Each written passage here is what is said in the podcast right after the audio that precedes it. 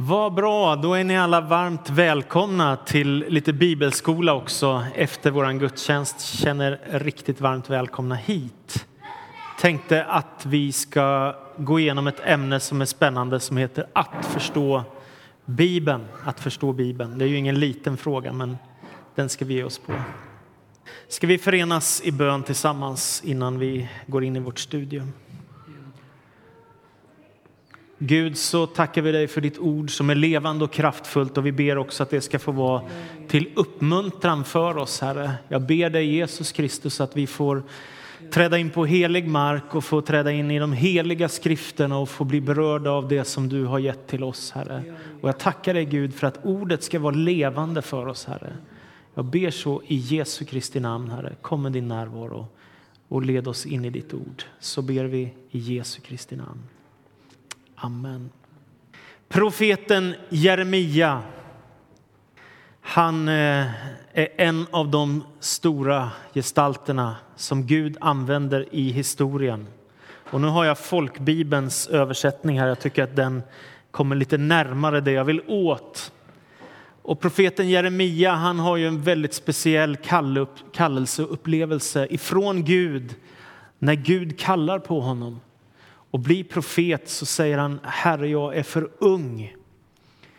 Men Gud svarar, du är inte för ung, utan hör de ord jag ska ge dig och sen ska du få vara en profet för mitt folk. Och sen så är det ju så underbart att Gud talar till Jeremia på ett sånt jordnära språk. Om ni har läst profeten Jesaja, vet ni, han är i himlen och skyar och serafer och änglar och grejer och himlar och Herren ser han på en tron. Och men Jeremia han ser mandelkvistar och han ser eh, såna här grytor som kokar och väldigt jordnära profet, så han är väldigt skön. Och jag tycker om hans sätt att formulera sig så som det står i folkbibelns översättning. Dina ord kom, alltså Gud, och jag åt dem. Ja, ditt ord blev mitt hjärtas fröjd och glädje, ty jag är uppkallad efter ditt namn, Herre, härskarornas Gud. Dina ord kom och jag åt dem och det blev mitt hjärtas fröjd och glädje. Vilken drastisk bild av vad det är att ta in Guds ord i sitt hjärta, in i sitt liv. Det är som att äta och svälja ner. Det är någonting som blir del av oss. Och det är precis det som händer profeten Jeremia. Jag har berättat inom predikan här för några år sedan att när de judiska rabbinerna skulle sätta sig och skriva av texterna, de gammaltestamentliga texterna, de hade ju inte tryck, tryckarkonst som vi har med böcker, utan de fick ju skriva på pergamentrullar. Och då var det så att när de kom till Guds allra heligaste namn, som stavas J-H-W-H, det som vi tror ska uttalas Javé, så hoppade man över det namnet och så skrev man vidare. Och sen när man skrivit klart texten så gick man ut och tvättade händerna och sen gick man tillbaka när man hade renat sig och så skrev man Guds namn, för man uppfattade det som så heligt. Jag tycker om eh, det sättet, det förhållningssättet till Bibeln. Därför säger jag alltid till alla jag kan, särskilt också nu när muslimer börjar komma, lägg inte Bibeln på golvet, ställ dig inte på Bibeln, alltså behandla den inte som om det vore vad för skräp som helst, som om det vore Bamse eller Aftonbladet eller något. Jag menar inte att det är skräp, men ni fattar vad jag menar. Utan ha respekt för Bibeln. Inte så att det är något särskilt med just den här tryckta boken, men vi tror ju att den innehåller Gudsordet. Det är därför jag tycker också så här, man ska ha en god vana att inte hålla på att lägga Bibeln på golvet eller behandla den hur som helst. En pastorskollega till mig han var på besök i Ryssland och så predikade han och när han hade predikat så skulle det först tolkas till finska och sen skulle det tolkas till ryska. Då förstår ni hur lång tid det tog. Från, engelsk, nej, från, förlåt, från engelska till finska till ryska. Så det blev liksom en jättelång predikan fast han inte hade så lång predikan. Och sen så sa han här, när jag hade sagt mitt ord och innan allt var översatt så hade jag nästan glömt vad jag skulle säga nästa mening. Det blir så lång översättning. Men i alla fall var det så här att i slutet på hans predikan och i slutet på gudstjänsten där så kommer det fram en liten flicka och så tar hon hans bibel och så kysser hon den så här. och sen så lägger hon den framme på altaret i kyrkan där de är i Ryssland. Och då sa han att det där var det starkaste ögonblicket på hela gudstjänsten att förstå respekten som de här människorna har för Guds ordet, för Bibeln. En liten flicka fick gestalta det. Kan någon dra igen den dörren så vi slipper att bli störda? Kan du ta nästa bild? Grunden då för, för att man ska förstå vad Bibeln är för bok det är att vi talar om en uppenbarelse, vilket betyder att Gud har talat i historien. Han har inte varit tyst, utan han har uppenbarat sig på olika sätt. I Romarbrevets första kapitel, vers 19-20, så skriver aposteln Paulus det man kan veta om Gud kan de ju se själva. Gud har gjort det uppenbart för dem. Ty allt sedan världens skapelse har hans osynliga egenskaper, hans eviga makt och gudomlighet kunnat uppfattas i hans verk och varit synliga. Så Paulus, aposteln Paulus, den judiske teologen och en av de kanske den viktigaste missionären i den tidiga kristna kyrkan, han tänker att det går att förstå att det finns en Gud bara av skapelsen i sig själv. Är ni med? Bara att se på träden, haven, bergen så förstår man att det finns en Gud. Det finns ett budskap i skapelsen att Gud ligger bakom allt detta. Och så säger han det är som att man kan se Guds osynliga egenskaper, hans eviga makt och gudomlighet i det som är skapat. Det, det vill säga, det finns en uppenbarelse i naturen i sig själv. Aposteln Paulus skriver också i Galaterbrevet, för han hade ju ett eget möte med Jesus efter hans uppståndelse ifrån de döda när han var på väg att fängsla kristna i Damaskus. Då möter Jesus honom uppstånden ifrån de döda i en gudomlig uppenbarelse. Och därför så kan Paulus skriva det evangelium som jag har förkunnat för er är inte något mänskligt påfund. Jag har inte fått det från någon människa. Ingen har lärt mig det. Jag har fått det genom en uppenbarelse av Jesus Kristus. Så om vi tänker på ursprunget till Guds ordet så är det att människor i historien har blivit berörda av Gud, har hört Gud tala, har varit med om syner, drömmar, uppenbarelse. Gud har talat i historien och människor har kunnat höra Guds röst, se Jesus eller vad det nu är som gör att det finns en gudomlig uppenbarelse som människan kan uppfatta i skapelsen eller i tilltalet ifrån Gud eller någon form av uppenbarelse genom Jesus Kristus eller den heliga Ande. Nästa bibeltext, eller nästa bild kan du ta. Eh, och en klassisk text för att förstå hur man ska tänka om Bibeln är i Andra Timoteus brev kapitel 3 och vers 16. Och för att du ska få sammanhanget så läser jag vers 14, 15 och 16. Paulus skriver till sin lärjunge Timoteus. Stå kvar vid det som du har lärt dig och fått visshet om. Kom ihåg vilka lärare du har haft och att du ända sedan dina barnaår är hemma i de heliga skrifterna. De förmår ge dig den kunskap du behöver för att bli räddad genom tron på Kristus Jesus. Och lyssna, varje bok i skriften är inspirerad av Gud och till nytta när man undervisar, vederlägger, vägleder och fostrar till ett rättfärdigt liv så att den som tillhör Gud blir fri från sina brister och rustad för alla slags goda gärningar. Så här, här är det några uppmaningar från Paulus till Timoteus. Stå kvar vid det som du har lärt dig, säger han. Det är det första. Kom ihåg vilka lärare du har haft som har lett dig in i ordet. Det andra, de förmår att ge den kunskap som du behöver för att bli räddad. Så det här är väldigt viktigt. Kunskapen om Jesus är ju det som ger att, gör att människor kan ta emot frälsningen. Därför är kunskapen viktig. Och sen säger Paulus, varje bok i skriften är inspirerad av Gud och till nytta när man undervisar.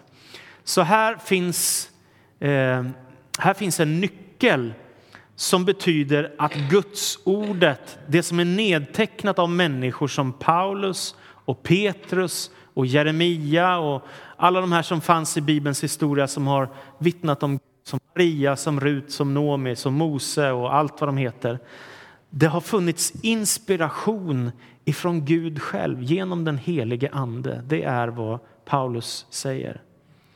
Och i grundtexten så står det teopneuma, ungefär så, eller teopneumas eller något sånt på grekiska. Och det betyder Guds andad, alltså inspirerad, Guds utandad av Gud själv. Så Gud har en aktiv medverkan i hela Bibelns texter enligt aposteln Paulus i Andra Timoteusbrevet kapitel 3. Så dessutom är det så, det kan vara lite kuriosa, 3800 gånger så står det så säger Herren i Bibeln. Är ni med? 3800 gånger står det så säger Herren. Det vill säga att Gud har talat till sina profeter som i sin tur har fått förmedla Guds ordet vidare. Så Bibeln är inte vilken bok som helst. Den har satt djupare avtryck än någon annan bok i världshistorien. Är ni med? Om man räknar alla som är medlemmar i alla kyrkor som finns, som jag brukar påminna om, så är det 2,4 miljarder. Om man dessutom då tänker på alla som genom dem har hört evangeliet, så förstår ni hur många människor det är som någon gång har hört Guds ord. Eller läst Guds ord eller fått Guds ord till sig. Bibeln är världens mest lästa bok i historien. Det är den mest tryckta boken i historien och den finns idag helt eller delvis översatt till 2400 språk. Alltså då förstår ni, det finns ingen annan bok som är i närheten. Varför är det så viktigt? Jo, för att den förmår ge dig den kunskap du behöver för att bli räddad, säger Paulus. Därför är Bibeln så viktig. Så viktig. Nästa bild. Så om man tänker sig då, hur har det här gått till om man ska förstå detta?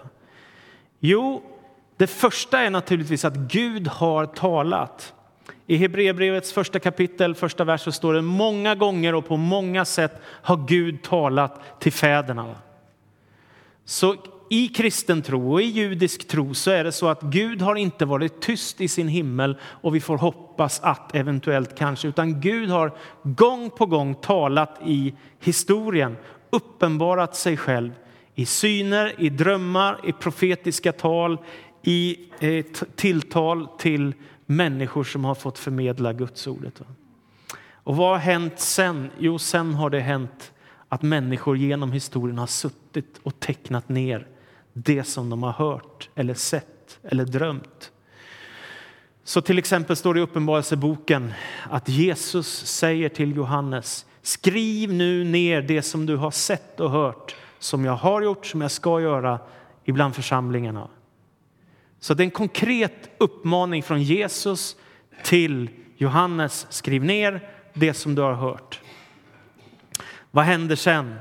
Jo, sen kan vi läsa det här ordet som har blivit nedtecknat som Gud har talat, som människor har nedtecknat och som vi i vår tur sen kan läsa. Och då står det så här, psalm 119. Lycklig den vars liv är fläckfritt, den som följer Herrens lag. Lycklig är den som lyder hans lagbud och helhjärtat vänder sig till honom, som aldrig gör något orätt, orätt utan lever efter hans ord så vi kan ta till oss detta ord som har talats genom Gud till fäderna och mödrarna, som har nedtecknats av profeterna och apostlarna och som vi sen i vår tur kan läsa. Och idag det är ju så fantastiskt. Tänk att vi kan ha boktryckarkonsten.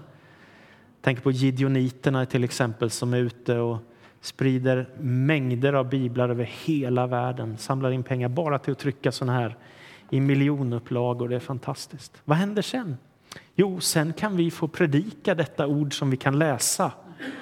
Så Paulus säger när han skriver till Timoteus, vi tackar Gud att ni inte tog emot det som ett människoord utan som vad det verkligen är, Guds ord som också visar sin kraft. Så vi kan predika Guds ordet. Och då är det fantastiska att när Guds ord blir talat om det blir talat på ett bibliskt sätt, på ett rätt sätt, på det sättet så kan också den helige Ande verka genom ordet. Så jag vet inte om det har hänt dig, men det har hänt mig, inte alltid, men ibland händer det att när jag sitter och lyssnar på ett bibelstudium eller en predikan så helt plötsligt så börjar tårarna rinna på mig och tänker vad är det nu?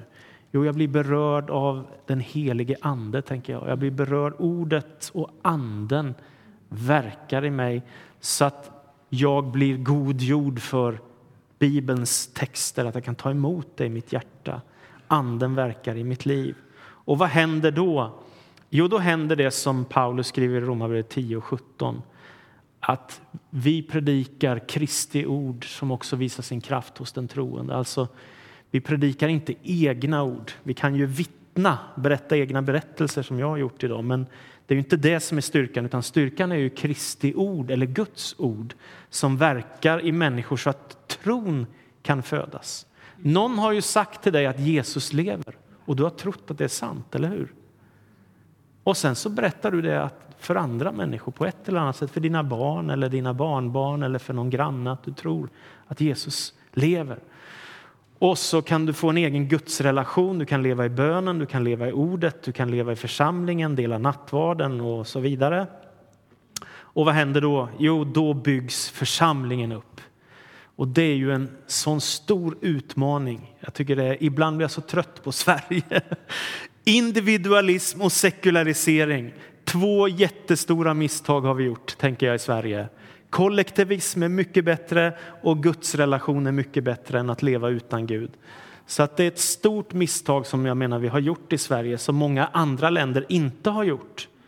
Ungefär som vi, när jag pratade med våra missionärer, Brolins i Asien, så sa de vi har inte träffat en enda människa i Asien som inte tror på något övernaturligt, som inte tror på Gud eller gudar. Är ni med? Vi har inte träffat en enda människa, säger våra missionärer, som inte har någon form av tro på det gudomliga. Så att vi lever i en väldigt konstig del av världen. Men i den här delen av världen ska vi också vara med och bygga församling där människor får tron på Kristus i sina hjärtan och kan leva tillsammans med Gud. Nästa. Så jag tänker att det Bibeln säger det är att den är ett levande gudsord. Det som den vill är att väcka liv i en relation som är personlig till Gud med dig. Du ska få en personlig relation genom ett levande gudsord som kan tala in i ditt liv.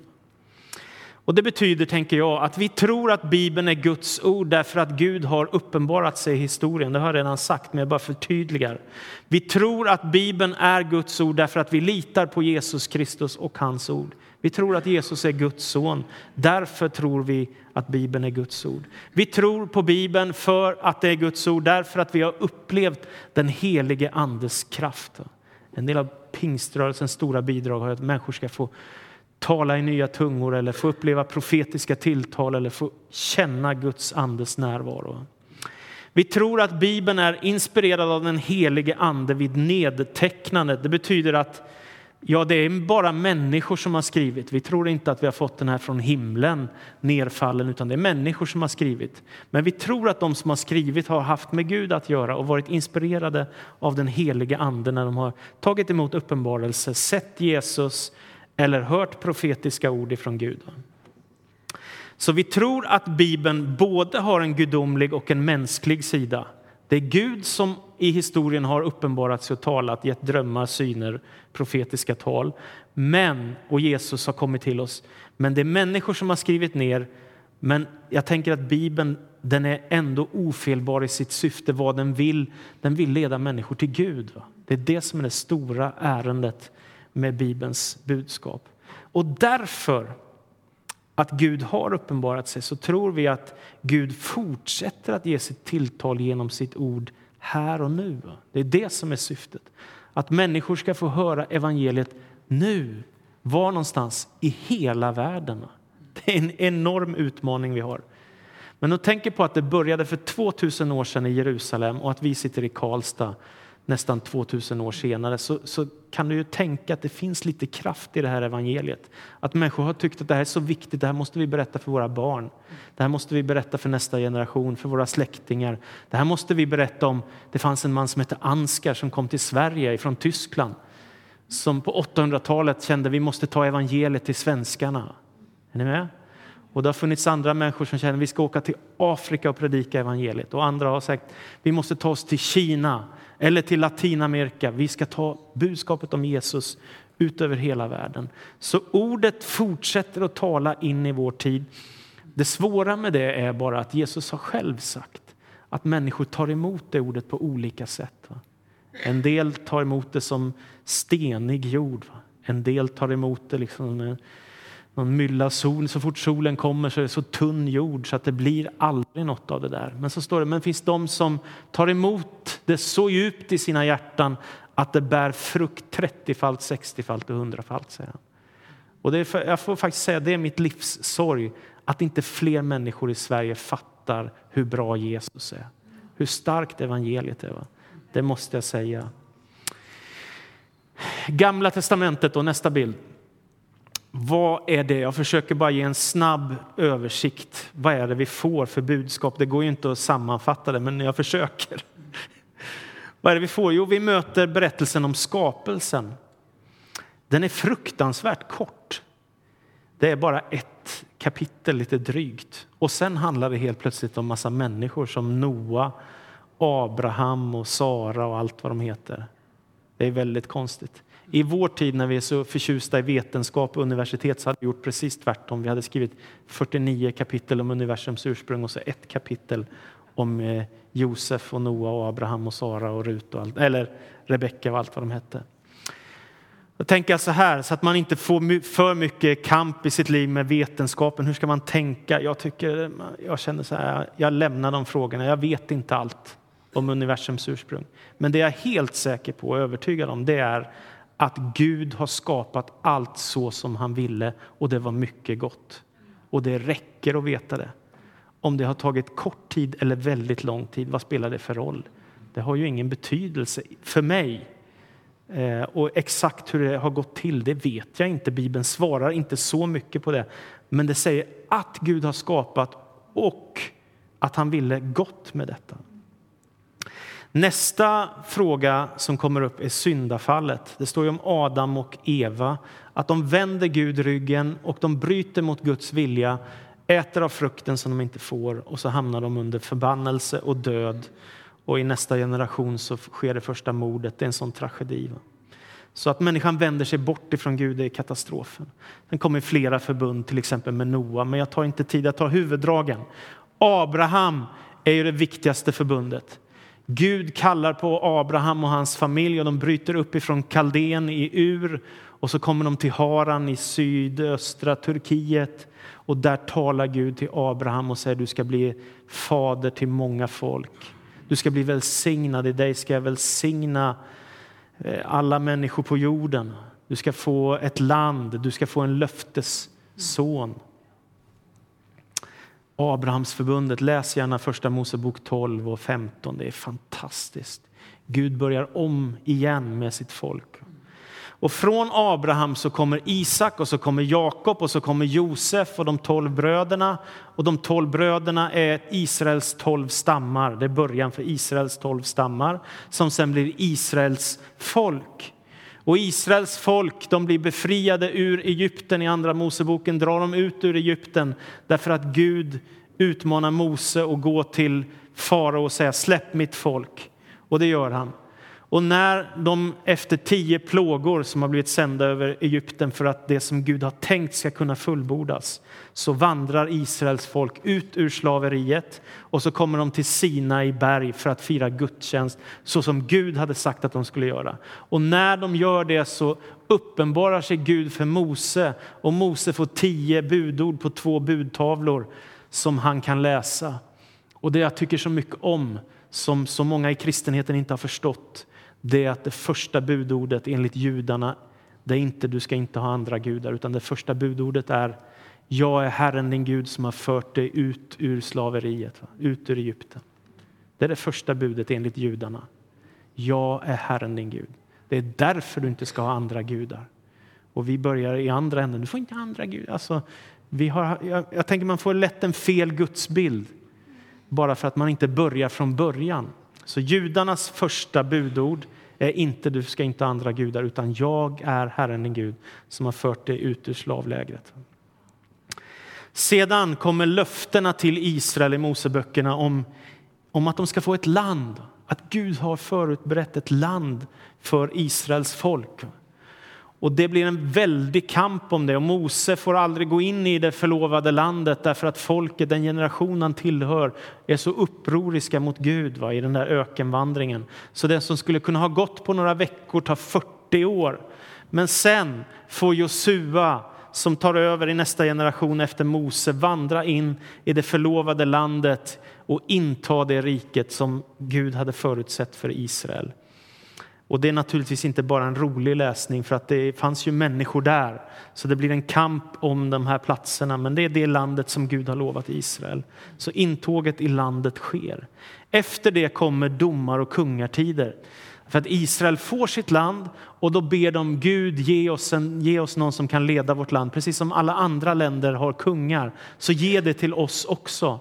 Och först blir Gud arg på sitt folk. För han säger, ni har ju mig, ni behöver inga kungar. Men Israels folk ger sig inte, utan de ska absolut ha en kung. Och så ber de om en kung och så får de en kung. Och Gud låter dem få kungar som Saul och David och Salomo och många, många andra. Så ungefär år 1000 före Kristus så är Israel i toppform. De har ett fantastiskt land. Jerusalem börjar byggas upp ordentligt som stad och så lever de i en fantastisk tid. Också med kamp naturligtvis. Så kommer hela den här vishetslitteraturen i Bibeln som finns som Predikaren, som Ordspråksboken och andra texter som handlar väldigt mycket om att välja det som Gud vill och inte det som är ont. Det är, jätte, det är jättehäftiga texter. Välj inte den dåliga vägen, gör inte som dåren utan gör så som Gud har tänkt med ditt liv. Och så blir det kontraster hela tiden.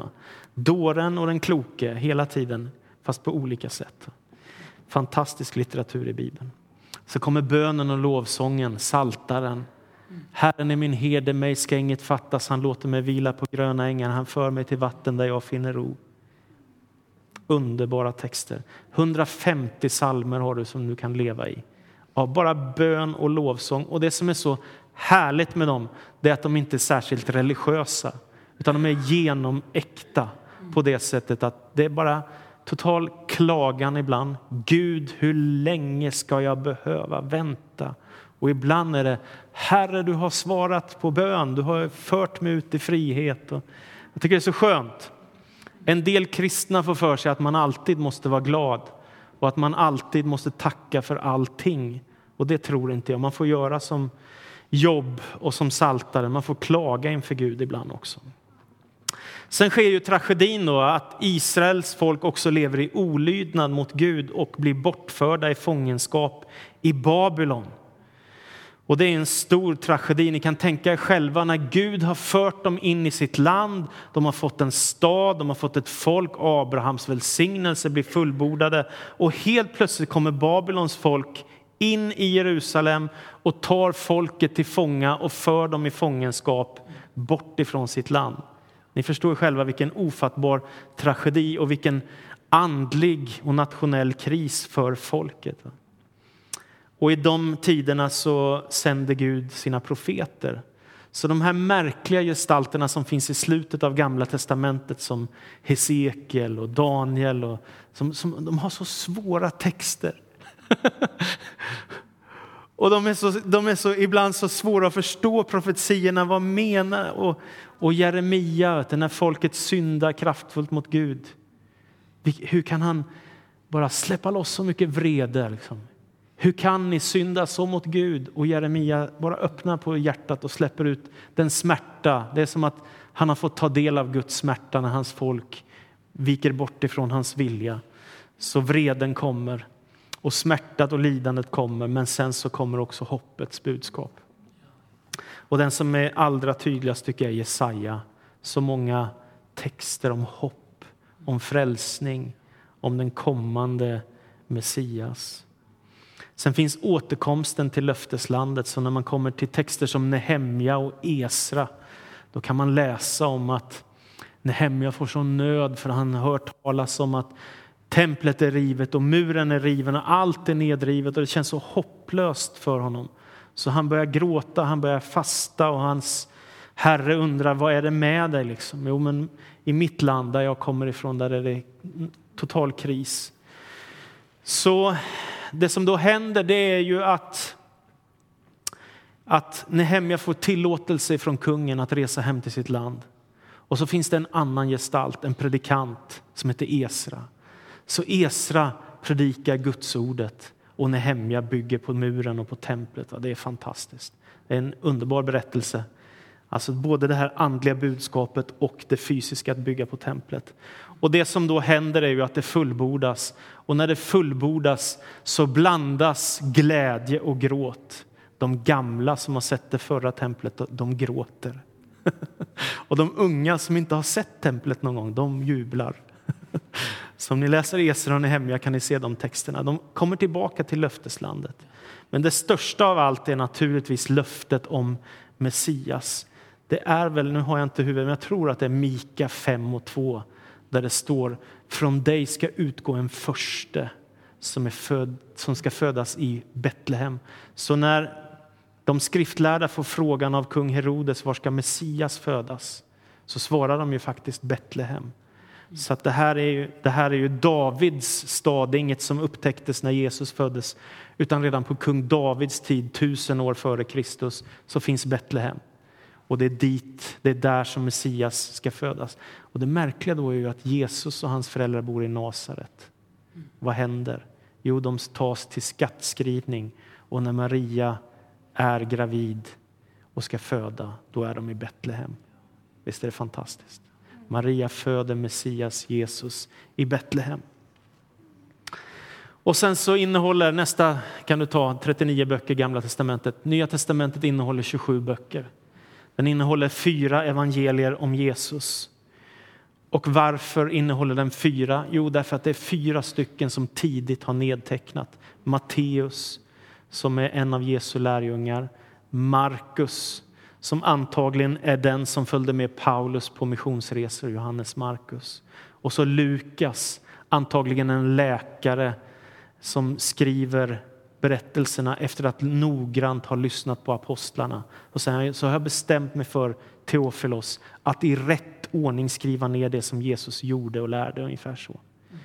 Och sen så kommer Johannes, en av Jesu lärjungar. Det är ju så häftigt att medans Markus han är en sån här superevangelist. Alltså. Han säger ju bara här börjar glädjebudskapet om Jesus, Guds son, världens frälsare. Och sen är det demonbefrielse, helande av sjuka, predikan, upprättelse, kärlek och så går det runt så tills Jesus dör, uppstår och hoppet om att han kommer tillbaka. Medan Johannes han har gått in i ordet och börjat gräva djupt. Så när han ska skriva om Jesus så säger han i begynnelsen var ordet och ordet var hos Gud och allt blev till genom det. Är ni med? Han ger en, liksom en bild av Jesus som ordet. Ordet blev människa och tog sin boning bland oss. Och så berättar han om Jesus. Så det är fyra evangelier. Varför bara fyra och inte fler? Jo, därför att det här är de fyra tidiga evangelierna som finns. Och de alla, det finns fler evangelier, men ingen som är skrivet så här tidigt. Utan Thomas evangeliet till exempel antagligen skrivet på 300 eller 400-talet. Varför inte det är Bibeln? Jo, men av den enkla anledningen därför att det inte är ögonvittnen. Alltså, du kan ju skriva Börje evangeliet om du vill, men det kan vi ju inte ta in i Bibeln för att det är inte från den tidiga urkyrkans apostlar eller närmaste kretsen av lärjungar och så. Förstår ni? Så att det här med, eller till exempel, de skrev Da Vinci-koden för något år sedan att de röstade om att Jesus är Guds son och det fanns massa evangelier som, som de inte tog med och så här, men det stämmer inte. Utan de här fyra evangelierna är kända från urkyrkan. De är citerade gång på gång av kyrkofäderna och de apostoliska fäderna i de första århundradena i deras texter. Några andra evangelier är inte citerade som trovärdiga evangelier om Jesus. Så det var den enkla anledningen. Då. För, att, för att få bli ett, en text som skulle komma in i kyrkans bok i Bibeln så skulle det vara skrivet av någon av lärjungarna eller den närmsta kretsen av lärjungar, apost, alltså lärjungar, lärjungar eller vad man ska säga. och det skulle vara spritt i alla församlingarna som fanns så att alla var överens om det här kan vi uppfatta som, som apostoliska skrifter från Paulus eller Petrus eller Johannes eller någon av Jesu lärjungar. Och så skulle det vara renlärigt, det vill säga det skulle stämma överens med det som man hade predikat i församlingarna som fanns i romarriket. Som någon hade någon annan lära än det som hade predikats i församlingarna i 50 år. Så det är klart att inte det kom in i Bibeln, förstår ni? Så det finns tydliga kriterier för vad som fick komma med i Bibeln och inte. Sen är Lukas den också som skriver Lukas evangeliet också den som skriver apostlärningarna. Och det är ju fantastiskt att vi har en som skildrar hur evangeliet fortsätter att sprida sig från Jerusalem till Judeen till Samarien och ut över hela romarriket. Så man läser apostlagärningarna så börjar i Jerusalem och slutar i Rom. Jerusalem var judarnas huvudstad, Rom är världshuvudstaden i, i dåtidens mäktigaste rike med 50-60 miljoner invånare. Så Apostlagärningarna skildrar från år 30 när Jesus dör ungefär till år 60. Och så ser man då hur de första 12 kapitlen handlar mest om lärjungarna och Petrus. Och från kapitel 12 till kapitel 28 så handlar det mest om Paulus som missionär. Och det är fantastisk läsning när man tänker att här lever människor som dyrkar många olika gudar som i Efesos eller Filippi eller Galatien.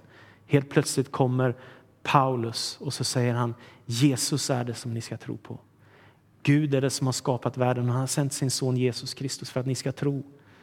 Och så går han till synagoga efter synagoga och han predikar för hedningar och på varenda plats grundas det kristna församlingar. Och så avskiljer man ledare. En del var judar som redan var insatt i synagogans judiska värld och kunde Gamla testamentet. En del var hedningar, kom från icke-judisk miljö och så tillsammans blev det judar och hedningar i nya församlingar som grundades i städer som Filippi, som Kolosse, som Korint, som Rom och så vidare. Och så där har vi hållit på i 2000 år. Det är fantastiskt. Eh, vi är en del av pingströrelsen. Jag läste nu om en, den största pingströrelsen i pingströrelsen heter Assemblies of God. De har nu snart 70 miljoner medlemmar och 300, vad var det? 368 000 församlingar. Bara en del av pingströrelsen. Är ni med? Som bara har funnits i hundra år. Så där, men det, det är så starkt när människor tar till sig detta. Så finns breven till församlingarna. Varför finns de? Jo, de finns som svar på de kristnas frågor. Om vi nu tror på Jesus, vad betyder det? Vad får det för konsekvenser? Och dessutom så dyker det upp en del sådana här tokerier. Till exempel finns det de som säger, ja, ska man bli kristen, då måste man gå in i Abrahams förbundet på det sättet att man låter omskära sig. Stopp, säger Paulus. Det är helt fel. Det är genom tro på Kristus som man kommer in i det nya förbundet. Inte genom omskärelse, det är det gamla förbundet. Va? Till exempel. Det leder till, om man, om man läser Apostlagärningarna 15, att, att det blir en uppgörelse i Jerusalem där apostlarna samlas för att säga vad ska vi säga nu när det kommer människor som säger att man måste omskära sig för att bli kristen. Och då skriver de brev till församlingar, det behövs inte. Men ni ska tro på Kristus och avhålla er från avguderi och lite sådär skriver de. Och sen så, sen så är ju församlingen, eller breven till församlingarna då, som Romarbrevet, Korinthierbrevet, Galaterbrevet, Efesierbrevet, Filipperbrevet, Kolosserbrevet, första Petrusbrevet, första Johannesbrevet och allt vad de heter. De flesta av dem är svar på konkreta frågor ifrån lokala församlingar. Hur lever man med Jesus? Och då svarar Paulus och Petrus och Johannes och andra apostlar och lärjungar till Jesus vad evangeliets konsekvenser är hur man bygger församling, hur man hanterar gemenskap, hur, vad man gör om någon lever i omoral, hur man gör om någon ljuger. Alltså, ni med, då är det en konkret vägledning till församlingarna, hur man firar nattvard och så vidare. Och sen finns Uppenbarelseboken. Och det är en skildring av historiens final och Gudsrikets totala seger. Så att man kan säga att hela Bibeln är en slags frälsningshistoria från början till slut. Det börjar med Adam och Eva som är i paradiset och det slutar med paradiset där livets träd står igen. Det som fanns i begynnelsen finns igen och det är det som är så häftigt när man läser Bibeln. En del tycker att Uppenbarelseboken är otäck, och det är den delvis. Den är otäck. Eh, men om man läser kapitel 1 till 5 så är det bara jubel och glädje. Sen kapitel 6 till kapitel 18, det är ganska saftiga domar över ondskan. Och den kan vara liksom lite skrämmande så. Men då får man tänka att det som är syftet det är ju det som händer sen i kapitel 19, 20, 21 och 21 och 22. Visst är det så? Ja, 22. Det är ju att Guds riket ska segra över ondskan. Att vi en dag ska ha en ny himmel och en ny jord och att Gud inte längre ska behöva kämpa med ondskan och synden och döden och människan inte ska behöva lida mer. Så det går mot en seger. Ja, ni ska inte, jag lovar att jag inte ska köra ihjäl en. Du kan ta nästa bild också. Bara några konkreta tips också. Då. Det här är lite svårt, men jag ska försöka göra det snabbt. Hur ska man läsa Bibeln då? Ungefär som frågan som den etiopiske hovmannen får när han eh, möter Filippos på vägen till Etiopien när han har varit i Jerusalem. Förstår du vad du läser? Och då säger nej, jag fattar inte Jesaja. Vad är det han försöker säga? Ungefär så svarar den etiopiske hovmannen. Eh, och då vägleder Filippos honom och det leder till att han kommer till tro på Jesus och att han blir döpt i vatten. Det är ju jättehäftigt. Så jag vill bara skicka med åtta sätt att tänka om bibeltolkning. Alltså hur ska man förstå de här texterna? Och det första jag vill säga då, det är ju det jag redan egentligen har sagt, att det är väldigt olika texter vi har i Bibeln. Och en poetisk lovsång kanske inte ska tolkas som en historisk skildring, förstår ni? Utan det kanske är någonting vackert som, som en, en bibelförfattare försöker förklara med poesins språk. Men däremot om det står släkttavla för så kan vi inte uppfatta det som poesi, eller hur? Så att man får tänka att det här är, det är ordspråk, det är poesi, det är dikter, det är lovsånger, det är böner, det är brev, det är apokalyptiska framtidsvisioner om vad Gud ska göra i, i ändetiden innan han kommer tillbaka, Jesus, och så vidare. Det är väldigt olika texter.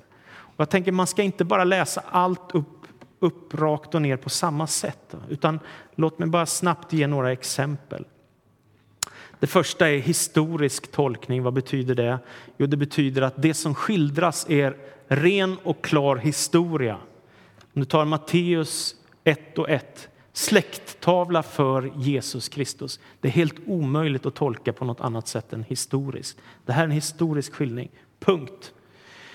Ett annat sätt att tolka Bibeln det är bokstavlig tolkning, det vill säga det som står där, det är så det står och det är så det ska tolkas. Det betyder inte någonting annat. Eh, och I Jakobs brev kapitel 1 så talar han om den som hör ordet men inte gör ordet. Va? Där finns ett problem. Så det är en väldigt konkret bokstavlig uppmaning. Det är ingen symbolisk tolkning eller något, utan du som hör ordet ska också göra ordet. Va? Och sen är det viktigt att komma ihåg nummer tre, förbundstolkning. Det här är en jätteviktig fråga. Va? Eh, Paulus skriver till församlingen i Efesos, kom ihåg hur det var för er innan ni fick del av evangeliet. Va? Hur ni levde utan förbunden, utan del i löftena från Gud, utan del i Israel och så radar han upp massa utanför medborgarskapet och så vidare. Men nu tack vare Jesus Kristus har ni som var, varit långt borta kommit nära. Så man måste alltid komma ihåg att Bibeln innehåller två förbund. Ett förbund som vi, det är det första förbundet som Gud ger, framför allt genom Abraham, men också Sinai, de tio budorden. Och så. Där finns förbunden med Gud som är för Israels folk. Sen finns det ett nytt förbund genom Jesus Kristus. Och det är därför jag, jag säger alltid, när man börjar läsa Bibeln kan man bli förvirrad. Och då säger jag alltid så här, om du förstå Bibeln rätt så måste du läsa Gamla testamentet i ljuset av Nya testamentet. Annars kommer du vilse. Vad kommer hända om ni inte läser Gamla testamentet i ljuset av Nya testamentet? Jo, då kommer ni alla börja praktisera Israels 613 bud. Påbud eller du får, du skall, du ska inte. Varför praktiserar inte vi dem, alla dem? Därför att vi lever i det nya förbundet och för att nya förbundets författare skriver att det nya förbundet grundar sig inte på lagen utan på Kristus. Är ni med? Som vi bygger inte på lagen, vi, stod, vi går inte in under lagen, utan Kristus har dött och befriat oss ifrån lagens förbannelse, säger Paulus. Vilket gör att vi är fria i Kristus och kan leva det nya livet. Så man måste alltid ställa frågan, okej, okay, ska jag praktisera det som står här? Nej, jag tror att hela Bibeln är Guds ord, men jag kan inte praktisera allt som står i gamla förbundet. Är ni med? För då blir jag jude och det behöver jag inte bli. Det räcker att jag tror på Jesus. Är ni med? Därför är ny, hela Nya testamentet är till för oss. Hela Gamla testamentet är också till för oss, men inte allt ska praktiseras för vi har ett nytt förbund. Och det är ljuset av det man måste läsa. Sen ibland så är det andliga tolkningar och det betyder helt enkelt att man kan inte bara läsa rakt upp och ner och tro att det betyder det som det står, utan ibland så syftar det på någonting annat. Johannes skriver, när, när han har skrivit om de sju stjärnorna i Jesu högra hand och de sju lampställen av guld, så står det så här. Detta är hemligheten med de sju stjärnorna. Så man tänker bokstavlig tolkning, okej, okay, sju stjärnor på himlen. Nej, det är inte det det betyder. Det som du har sett i min högra hand och de sju lampställen av guld, de sju stjärnorna är de sju församlingarnas änglar. Är ni med? Så om man läser bokstavligt så man tänka, ja, sju stjärnor. Nej, sju änglar är det här som den här texten handlar om. Okej? Okay? Och sen så de sju församlingarnas änglar, ja, och de sju lampställen. Jaha, sju lampställ som det där? Nej, utan sju församlingar illustreras med sju lampställ och änglarna med sju stjärnor. Så ibland är det andlig symbolik i texten som syftar på någonting annat. Och här får vi ju svaret på vad det är. Och då blir det enklare. Det är inte alltid man får svaret på vad det är när profeterna talar. Så ibland kan man vara riktigt förvirrad. Vad menar Hesekiel med sin syn i kapitel 1? När det, liksom är, det snurrar med hjul och grejer där och ögon och vingar. Och, vad menar han? Det är inte så lätt att förstå. Sen finns det profetisk tolkning. Vad menas med det? Jo, då kan vi gå till Galaterbrevet kapitel 3. Galaterbrevet kapitel 3. Och då står det så här. Galaterbrevet 3 och 15. Bröder, för att ta ett exempel. Inte heller ett vanligt mänskligt testamente kan upphävas eller ändras sedan det en gång har blivit giltigt. Men nu, gav löftena, nu gavs löftena åt Abraham och hans avkomma. Och det heter inte åt dina avkomlingar som om det gällde många utan det talas om en enda och åt din avkomma, och det är Kristus.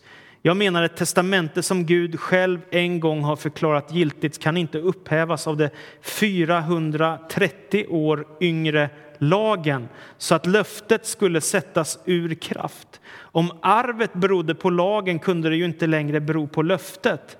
Men nu är det genom sitt löfte som Gud har skänkt oss arvet åt Abraham. Amen. Och det här är svårt, men det är helt underbart. För det som Paulus säger, det är att Gud gav först löften åt Abraham och det är 400 år före Mose får lagen ifrån Gud. Och vad säger då, vad säger då Paulus? Jo, det han säger är det ofattbara bibeltolkningen. Lyssna. Den avkomman som kommer ifrån Abraham är inte många, utan det står i singular. Så vad betyder det? Jo, säger Paulus, den verkliga avkomman, den verkliga löftesonen till Abraham, det är inte Isak, utan det är Jesus. Är ni med? Det är Jesus som uppfyller alla Abrahams löften som han har fått till sig. Det här måste man ta som profetisk tolkning. Alltså det går inte bara Jaha, vad betyder det här? Vad obegripligt. Nej, nu har du fel Paulus. Det är Isak, inte Jesus. Ja, men det är profetisk tolkning. Det finns en större dimension i den här texten än det som man bara kan se om man bara läser bokstavligt. Ibland är det också allegoriskt. Det är inte så ofta, det kan ni glädja er åt. Men det här är häftigt tycker jag. Galaterbrevet 4 och 21. Då skriver Paulus om två förbund, löftets och lagens. Svara mig, ni som vill stå under lagen. Har ni inte hört vad lagen säger? Det står skrivet att Abraham fick två söner. en med sin slavinna och en med den fria kvinnan. Men hans son med slavinnan var född efter naturens ordning, sonen med den fria kvinnan tack vare ett löfte. Och lyssna nu, här i ligger ett, en djupare innebörd. De två kvinnorna är två förbund. Det ena kommer från berget Sinai och föder sina barn till slavar. Det är Hagar. Sinai är ett berg i Arabien som svarar mot det motsvarar nuvarande Jerusalem som ju lever i slaveri tillsammans med sina barn. Men det Jerusalem som finns i himlen är fritt. Det är vår moder, som det står skrivet. Jubla, du ofruktsamma, och så vidare. Så här skildras Sara och Hagar som var gifta med Abraham, slavinnan och hans verkliga hustru. Abraham och Sara och Hagar. Och då, säger, då ger Paulus ger som en bild, en allegorisk bild. Det betyder det syftar på något helt annat. Och så säger han, det här är två olika förbund. Ett förbund där man står under lagen och för att då få kontakt med Gud måste man lyda alla lagar för att hitta relationen med Gud. Men det finns ett annat förbund och det är löftets förbund som grundar sig i Abraham och Saras förbund med Gud. Och det är där, det är det förbundet som Jesus uppfyller. Så vad är då lagen? Jo, lagen är jättebra, den är god för den vill ju det goda. Men problemet är att vi är syndare så att vi kan inte frälsa oss själva och därför behöver vi löftet för att komma till Gud. Det räcker inte med lagen. Ibland är det symbolisk tolkning. Och vad betyder det? Jo, det betyder att det här är en bild, en liknelse, en skildring av någonting som betyder någonting annat. Löftet, eller berättelsen om den förlorade sonen, det förlorade myntet och vad är det tredje? Den förlorade sonen, det förlorade myntet och det förlorade fåret. Så är det. Tre liknelser. Betyder det att Jesus håller på att prata om får, pengar och söner? Nej, det betyder ju att Gud älskar oss och vill att vi ska komma hem till honom. Så den förlorade sonen, Guds stora längtan är att den förlorade sonen ska vända hem till honom. Och det förlorade myntet vill han leta upp och så kan han glädja sig. Och det förlorade fåret måste man ge sig ut och leta efter så att det kommer hem till Gud. Och så blir det glädje i himlen. Änglarna jublar över det som händer. Så det går inte att tänka, ah, Jesus, vad håller han på att prata om? Pengar, söner och får. När han pratar om att Gud vill dra människor till sig i symboliska berättelser, liknelser. Jag tänker också, den här kan man ju strida om om man vill, men jag tänker också att det är bra att tänka ibland att man kan behöva göra tidshistoriska tolkningar. Vad menar jag med det? Jo, till exempel så Paulus, det här har ju varit strid om i kyrkan och att Paulus tillåter han kvinnor eller inte att predika. Det kan man ju fundera på. Och då tänker jag så här, det, ja, det är klart att i en judisk miljö där kvinnorna inte hade möjlighet att studera så det är klart att det blir inte så enkelt om de ska börja predika utan utbildning, om ni förstår vad jag menar. Det blir lite komplicerat, det blir kanske fel. Och då tänker jag, nu är vi i en helt annan situation. att det är ingen, och jag menar, Paulus säger själv, det är ingen skillnad på man och kvinna, jude eller grek, slav eller fri. Alla är ett i Kristus. Men i den tiden så levde männen med ett företräde att kunna gå in i templet på ett annat sätt och få utbildning i ordet och rabbinerna var män och så vidare och så vidare. Så det var inte så enkelt. Då, men jag tänker samtidigt, och det finns andra bibeltexter, va? i de yttersta dagarna så ska mina tjänare och tjänarinnor profetera, va? Ha drömmar, se syner. Och därför så har jag, så länge jag har läst de här texterna, tänkt att det är Guds yttersta syfte att det både män och kvinnor tillsammans ska vittna om Jesus och predika evangeliet. Och därför, och därför har jag valt, så tänker jag, om de här texterna. Ja, det tycker inte alla kyrkor och inte alla präster och pastorer, men jag tänker så.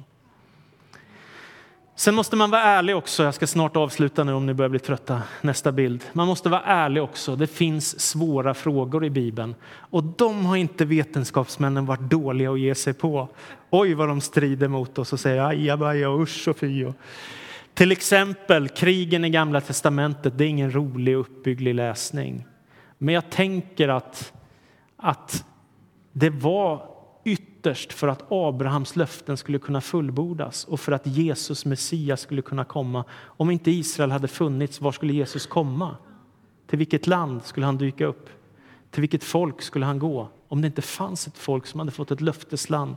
Det betyder inte att det är rolig läsning att läsa när människor dödas, precis som det inte är nu heller. Det är hemskt. Det är svåra frågor. En annan fråga som är svår, till exempel Jobs bok, lidandets mysterium. Varför tillåter Gud att Jobb, som en sån god människa, ska drabbas av lidande? Varför gör han det? Kan någon svara på det? Ja, det finns också några texter med moraliska svårigheter. Ja, men hur, kan man liksom, hur kan man handla som en del av Gamla testamentets gestalter gör? Ja, det är tokigt, det är bara att konstatera. Så jag tänker, man får också tänka allt som sker i Bibeln är inte Guds vilja. Det tror jag inte. Utan en del händer i Bibeln som är djävulens vilja, va? ondskans. Och då får man tänka på det också. Ondskan är väldigt svår att förstå. Den finns där skillnad bara. Ormen ringlar in i paradiset. Var kom den ifrån? Så står det att jag har, Jesus säger jag har sett Satan falla från himlen. Varför då? Alltså, var kommer det ifrån? Varför finns det? Varför måste vi kämpa med detta? Det är svåra frågor. Helvetet, det är väl ingen rolig läsning va? att läsa om att människor kan gå förlorade. Men det står där ändå, att människor kan gå förlorade. Det vi vet är att Gud vill att alla ska bli frälsta. Och Gud älskar alla människor. Han har sänt Jesus för att rädda alla människor. Han vill inte att någon ska gå förlorad, står det tydligt och klart. Ändå varnar Jesus för detta tydligt. Och sen så texter vi inte begriper. Har du dykt på någon sån någon gång? det har jag gjort. Man förstår inte allt. Så det finns svåra frågor, det måste man vara ärlig och säga. Så att inte människor tror att vi kan förklara allt eller förstå allt. Men centrum i Bibeln är inte alla de frågorna, utan centrum i Bibeln, nästa, det är kärleksbudskapet. När Jesus får frågan vad är det viktigaste av allt, när vi nu har hållit på med alla de här stora frågorna, vad är det viktigaste av allt? Jo, älska Gud av hela ditt hjärta, hela din själ, hela din kraft. Din nästa som dig själv. Så älska Gud, älska de människor du har omkring dig, älska dig själv. Det är det som är hela kristendomens kärnbudskap, det viktigaste av allt. Om man tycker ibland att man dyker på svåra texter och konstiga texter så ska man komma ihåg hela Bibeln ska läsas i ljuset av detta. Att Jesus är centrum och kärleksbudskapet är centrum. Det är det här som är målet med allt ihop. Nu går jag mot avslutningen. då, nästa. 1906 på Azusa Street i Los Angeles så föddes den moderna pingströrelsen som vi är en del av. Och predikant där, han, var, han hette William Seymour. Han var en man som var sjuk. Han haltade på ena benet. Han hade haft någon sån här smittkoppor i ansiktet och hade blivit blind på ett öga. Och han var inte så stark människa. Men han blir upphovet till en väckelse som idag har kanske mer än 100 miljoner medlemmar bara i pingströrelsen. Och den karismatiska väckelsen som har spritt sig över kyrkor där vi ber för människor om helig ande. Och där det är över en halv miljard människor idag, hundra år senare. Han skriver så här. Det finns många källor idag, men de är torra. Det finns många hungriga själar idag, men de är tomma. Men låt oss komma till Jesus och ta honom på hans ord och vi kommer att finna frälsningens källa och det kommer att flöda av vatten ur frälsningens källa eftersom Jesus är den källan. Jag tycker så mycket om det här och jag är så fruktansvärt stolt att om jag nu måste vara del av en mindre rörelse än hela kristenheten är jag väldigt glad att jag hamnade här med såna här människor som älskar att söka Gud och som älskar att läsa Bibeln, som älskar att be, som älskar att berätta om Jesus för andra människor och som gärna ber att människor ska bli uppfyllda av helig ande och så vidare. Det är jag glad för. Nästa. Därför tänker jag också att det är viktigt att söka tilltalet i Bibeln. Alltså om, om vi nu har över tusen sidor med text, vad ska vi göra med det här? Jo, då sa jag att Jesus och kärleksbudskapet är centrum. Om du ska berätta för någon annan så är det det som är viktigast.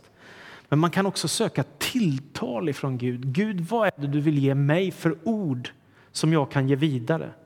Ungefär som om jag frågar dig vad är din älsklingsbibelvers? Om ni frågar mig så är det psalm 42. Som hjorten längtar efter bäckens vatten så längtar min själ efter dig, o Gud. När ska jag få komma inför? Liksom typ så. Man kan få ett livstilltal. Va? Jag kommer ihåg när Paul Zettersten var hos, hos oss i Norrtälje när jag var ungdomspastor. Och så sa han, jag hade förberett en predikan, men Gud väckte mig. Och så fick jag ett budskap ifrån Herren och så predikade han, han är en gammal predikant, han är 94 år nu. Han predikade om tider av vederkvickelse från Herrens ansikte. Och ni hör att det är gammalt språk. Men det var fruktansvärt starkt. En av de starkaste predikningar jag hört i mitt liv. Han hade inte bara en utläggning av en text, utan han hade ett tilltal, ett budskap. Jag kommer ihåg när min mentor Hans Johansson kom till oss i Jönköping när jag jobbade där i Pingstkyrkan. Och så skulle han predika en konferens som vi hade. Hans bror där, Bengt Johansson, ledde lovsång och Hans skulle predika. Och så sa han till mig och Pelle Hörnmark som jobbade tillsammans då. Jag har två predikningar och ett budskap. när ska jag ta budskapet? Då sa vi ta det på söndag morgon när hela församlingen är där. Liksom så. Och så var det fruktansvärt starkt. Jag minns att vi satt och grät. Och han berättade om hur han hade haft en afrikansk vän som så levde så för Gud. Och så hade han suttit och tittat på tv, Hans, och hans afrikanske fromme kristne vän kom in och satt, satte sig bredvid honom och tittade på tv. Och på tv var det någon krigsfilm som Hans tittade på, ni vet som vi svenskar brukar göra. Och den afrikanske mannen, han, han ville inte se det här som vi hade vant oss att se. Och så predikade oh, han predikade om helhet som han kände man måste bli frälst en gång till. Ungefär. Jag har fått ett ord ifrån Herren. Jesus säger till sist, nästa. Den som hör dessa mina ord och handlar efter dem är som en klok man som byggde sitt hus på berggrund. Och så ger han en annan bild och säger den som hör dessa mina ord men inte handlar efter dem är som en som byggde sitt hus på lösan sand. Och det är en enorm skillnad. De här anspråken gör Jesus, de här anspråken gör Bibeln. Och därför kan man göra den till sin livsbok. Med det jag sagt nu, att det finns en del svåra frågor i våra texter, men budskapets kärna och centrum är helt fantastiskt. Amen. Gud, låt ditt ord verka i våra hjärtan. Låt oss få ta till oss dem så att vi kan leva med dig, hos dig, i dig och genom dig, Herre. Tack för att du älskar oss och hjälp oss att förmedla detta frälsningsbudskap till många människor. Hjälp oss att leda många människor in i ditt ord. Så ber vi i Jesu Kristi namn. Amen.